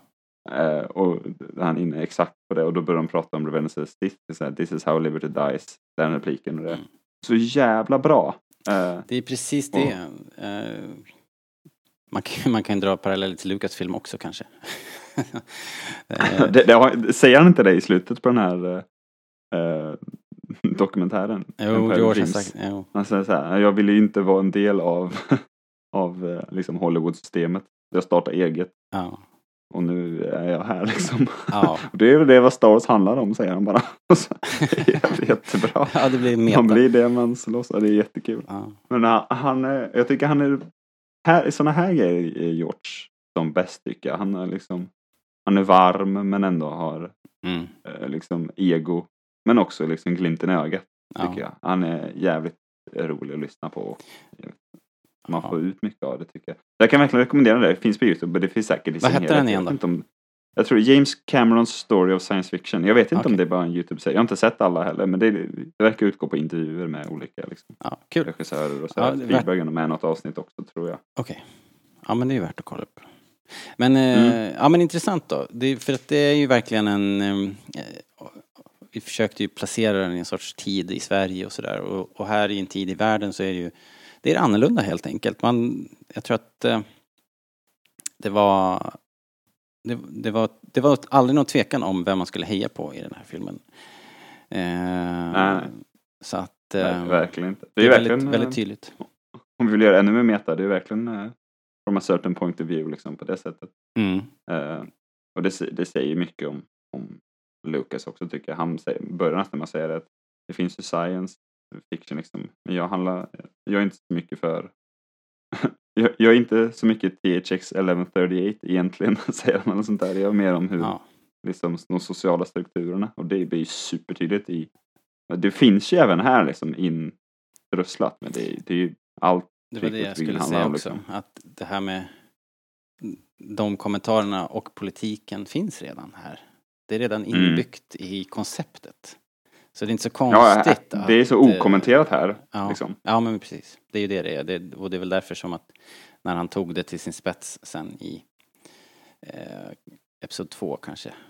Eh, och 3 då. Att, Ja, eh, ja, att det är verkligen. liksom att folk eh, vaknade upp och undrade lite vad fan är det frågan om egentligen. Men det har ju, det har ju alltid funnits där latent eller liksom inbyggt i hela konceptet. Att, Ja, jag är verkligen jag är så riktigt kast på politik och inte särskilt intresserad heller. Men jag vet att Lucas någon gång eh, sa att han baserade Palpatins liksom, eh, väg till, till toppen eh, Mm. på George Bush. jaha, Jag tänkte säga, ja, förvånar mig, förvånar mig faktiskt inte ett eh, smack. Ehm, Men, Newt. Gunray är ju också en illa maskerad eh, eh, liksom eh, kommentar på Newt Ging- Gingrich heter han väl, en senator. va? På riktigt? Eh, ja, i alla fall namnet är ju så lika så det går ju Star liksom inte, bara, går ju liksom inte bort sig ifrån i alla fall. Vad hette han sa du? Den riktiga killen? Eh, Gingrich, han heter nog inte Newt förstås, han heter något annat. Vad sa jag? Ja. Jag hoppas ju att han heter Newt. Nej, det heter han inte. Ja, ja han heter Newt. Ja, han gör det. Okej. Fast N-E-W-T. Ja, så var det. Kan vi återigen dra paralleller till aliens? Det är ju kul. Lövtunt. Ja, men du... Dödsstjärnan. Dödsstjärnan. Eh, det är ju, ja men då är det full action igen. Det, det är liksom inte så mycket att säga kanske. Eh, här är det ju väldigt lätt att falla in i det här tekniska och bara behind the scenes igen. Vi, vi kan ju inte riktigt låta bli men rent, eh, Men, rent men ni storymässigt. lyssnare har ju hört allt det där också. Ja, eh, exakt. Så vi, vi behöver inte Så prata om det. Ni, Men vet, ni vet vad vi ska säga och ni håller med liksom. Så. rent storymässigt Tack. så är det ju ultra effektivt liksom. Det funkar väldigt bra. Det är Ja. väldigt, väldigt snyggt. Fortfarande Gud väl det idag. byggs upp det där när de Ja. kommer till Dödsstjärnan. Ja, och sen John Men som Williams de- musik som... Ja. Det är så fruktansvärt bra. Det pratade vi om när vi gjorde, när vi pratade om det här kalendern. Eller jag tog upp det då. Det är så sjuk grej att Luke är inte med. Han försvinner ett tag liksom. Mm. Han cirkulerar bara ovanför rännan. Får man ju känslan av liksom ett tag. När vi hänger med Gold Leader och... Han gör ju någon Ja, liten attack där. I got a little cooked but I'm alright. ja men det är, liksom, det är den grejen. Men liksom, helt plötsligt kommer eh, främlingar in och är huvudkaraktärer i tre minuter. Ja, precis. Helt självklart också. Ja Funkar och, så himla bra. och man köper det rakt av. Jag har ju sett filmen 6000 gånger och jag har knappt tänkt på det förrän på senare år. Liksom, så. Eh, det är så jävla bra och det ena är ju verkligen Jag antar att man köper det så hårt för att det ena är verkligen rebellalliansen liksom. Att det handlar om rebellalliansen. Sen om det är liksom Max eller Tom som vi ser flyga nu. Det är inte så noga liksom. Nej, man Eller hejar ju på rebellerna som vi var inne på här. Det, Ja, det var, precis. det var liksom, det var, man har satsat allting på rebellerna. Man, alla är med på, på det liksom. Och Luke är med. Han är ju bara inkastad och eh, man, allting går ju såklart ut på att eh, de här, alla, alla andra dör och eh, så att det bygger ju bara upp liksom. Man vet när, Ja. när Luke, Biggs och Wedge är de sista som är kvar och ska göra det sista anfallet. Då vet man att det, det här Allt är ett inget. omöjligt uppdrag. Det är allt eller inget och vi kommer att köra snabbare än någon har gjort förut och vi kommer ha, vi har ett, en chans på oss liksom. Eh, Ja, ett- men det, det är det som är så fruktansvärt. Alltså det, det jag pratade om nyss. Det är såklart, det är bara ett led i att så här, okej, hur ska vi göra det så svårt för Luke som möjligt på Mm. slutet? Ja, men vi har alla de här superkompetenta rutinerade piloterna misslyckas. Ja. Okej. Och sen är det bara Luke och hans två kompisar kvar. Ja. Och Wedge liksom så här fegar ur. Biggs dör liksom. Och Ja. nu så är de snabbare än de någonsin kan liksom. Så här, ja, skit i, vad är det han stänger, Stänger av att- datorn liksom. Flying by the Ja, seats of our eh, pants. Lita på kraften.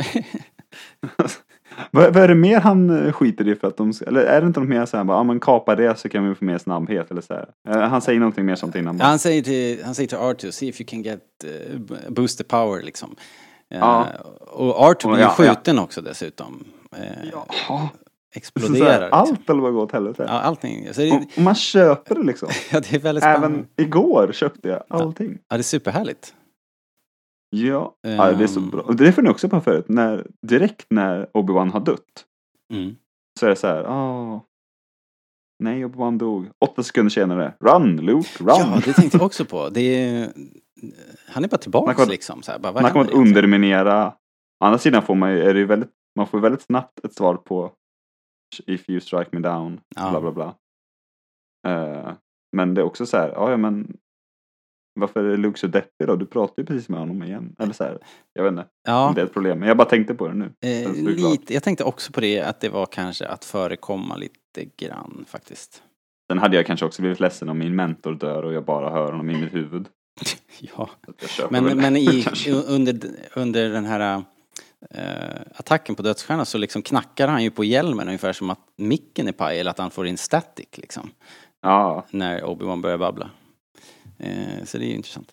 Men du, ja det, ja, det slutar ju såklart med att eh, Tarkin eh, står och, och är övermodig och, och är så jäkla bra liksom. escape in a moment of triumph. Evacuate! Eh, han är helt I segerviss. think you overestimate our chances.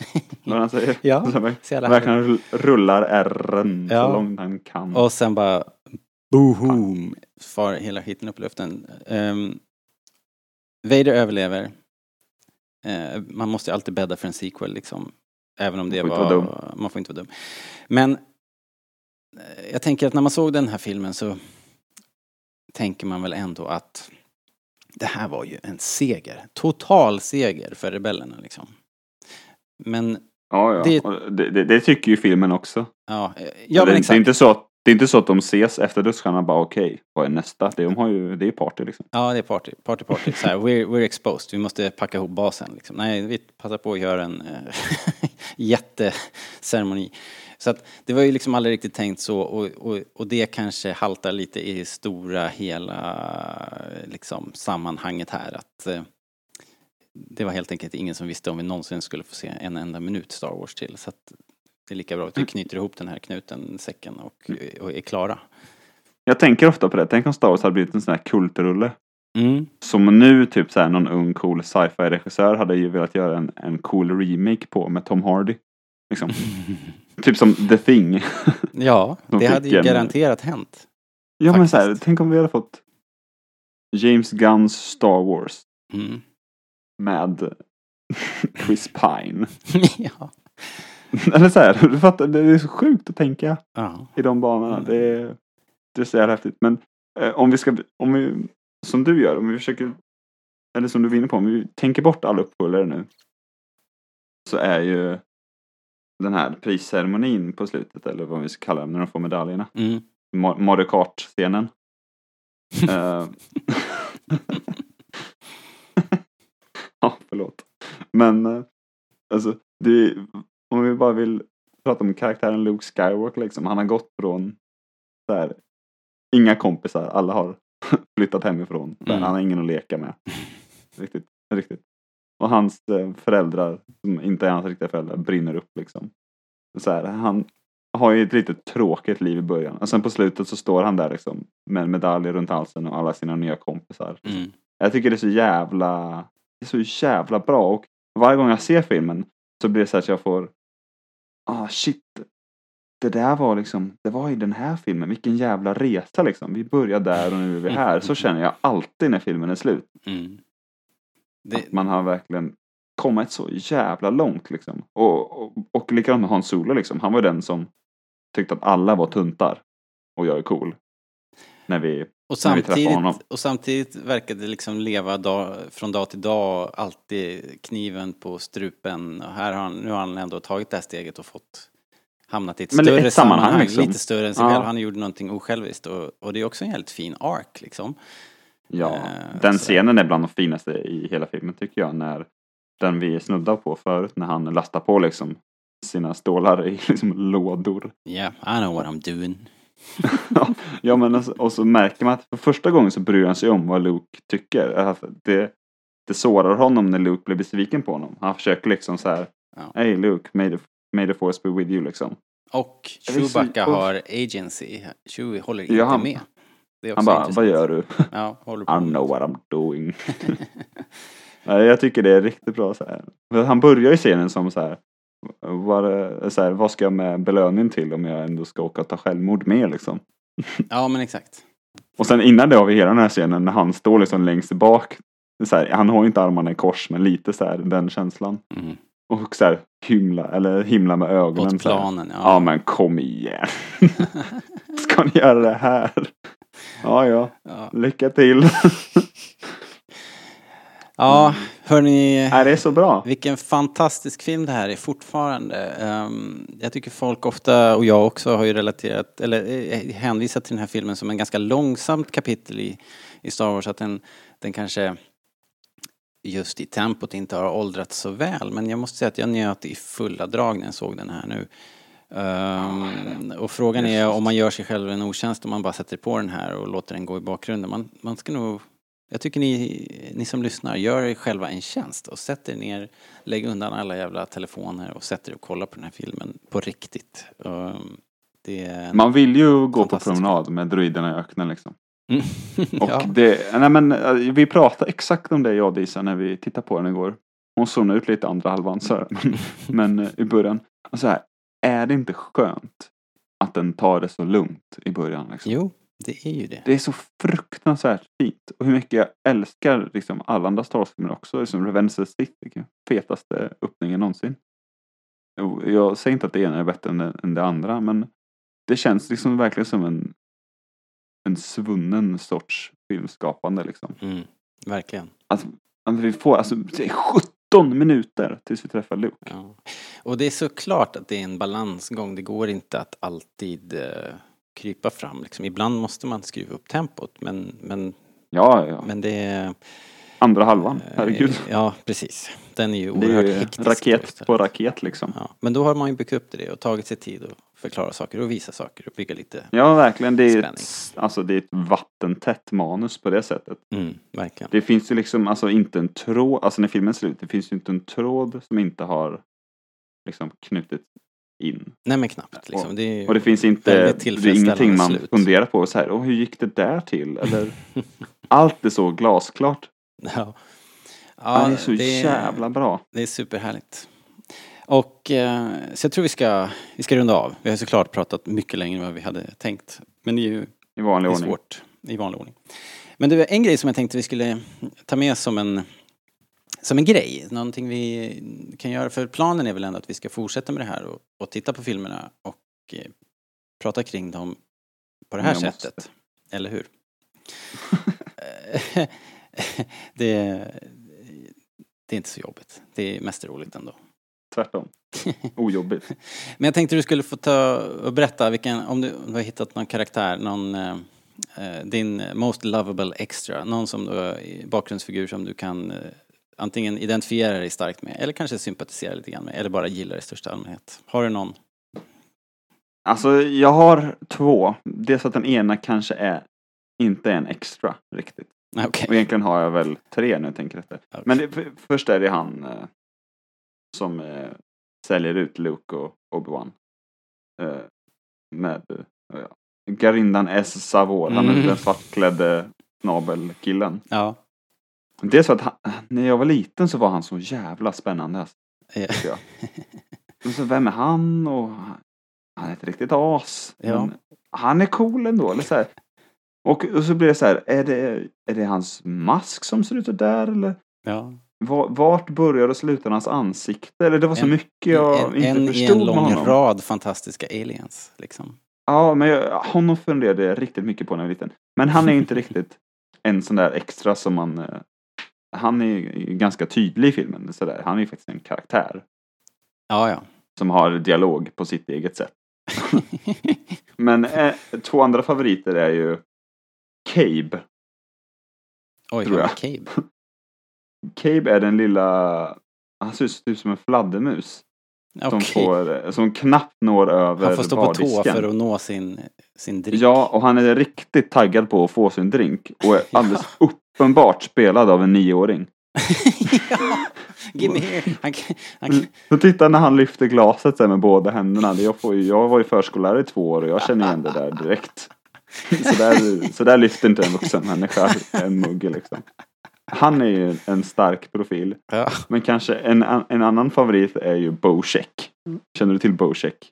Jag är grymt imponerad att du sitter på alla de här bakgrundskunskapen.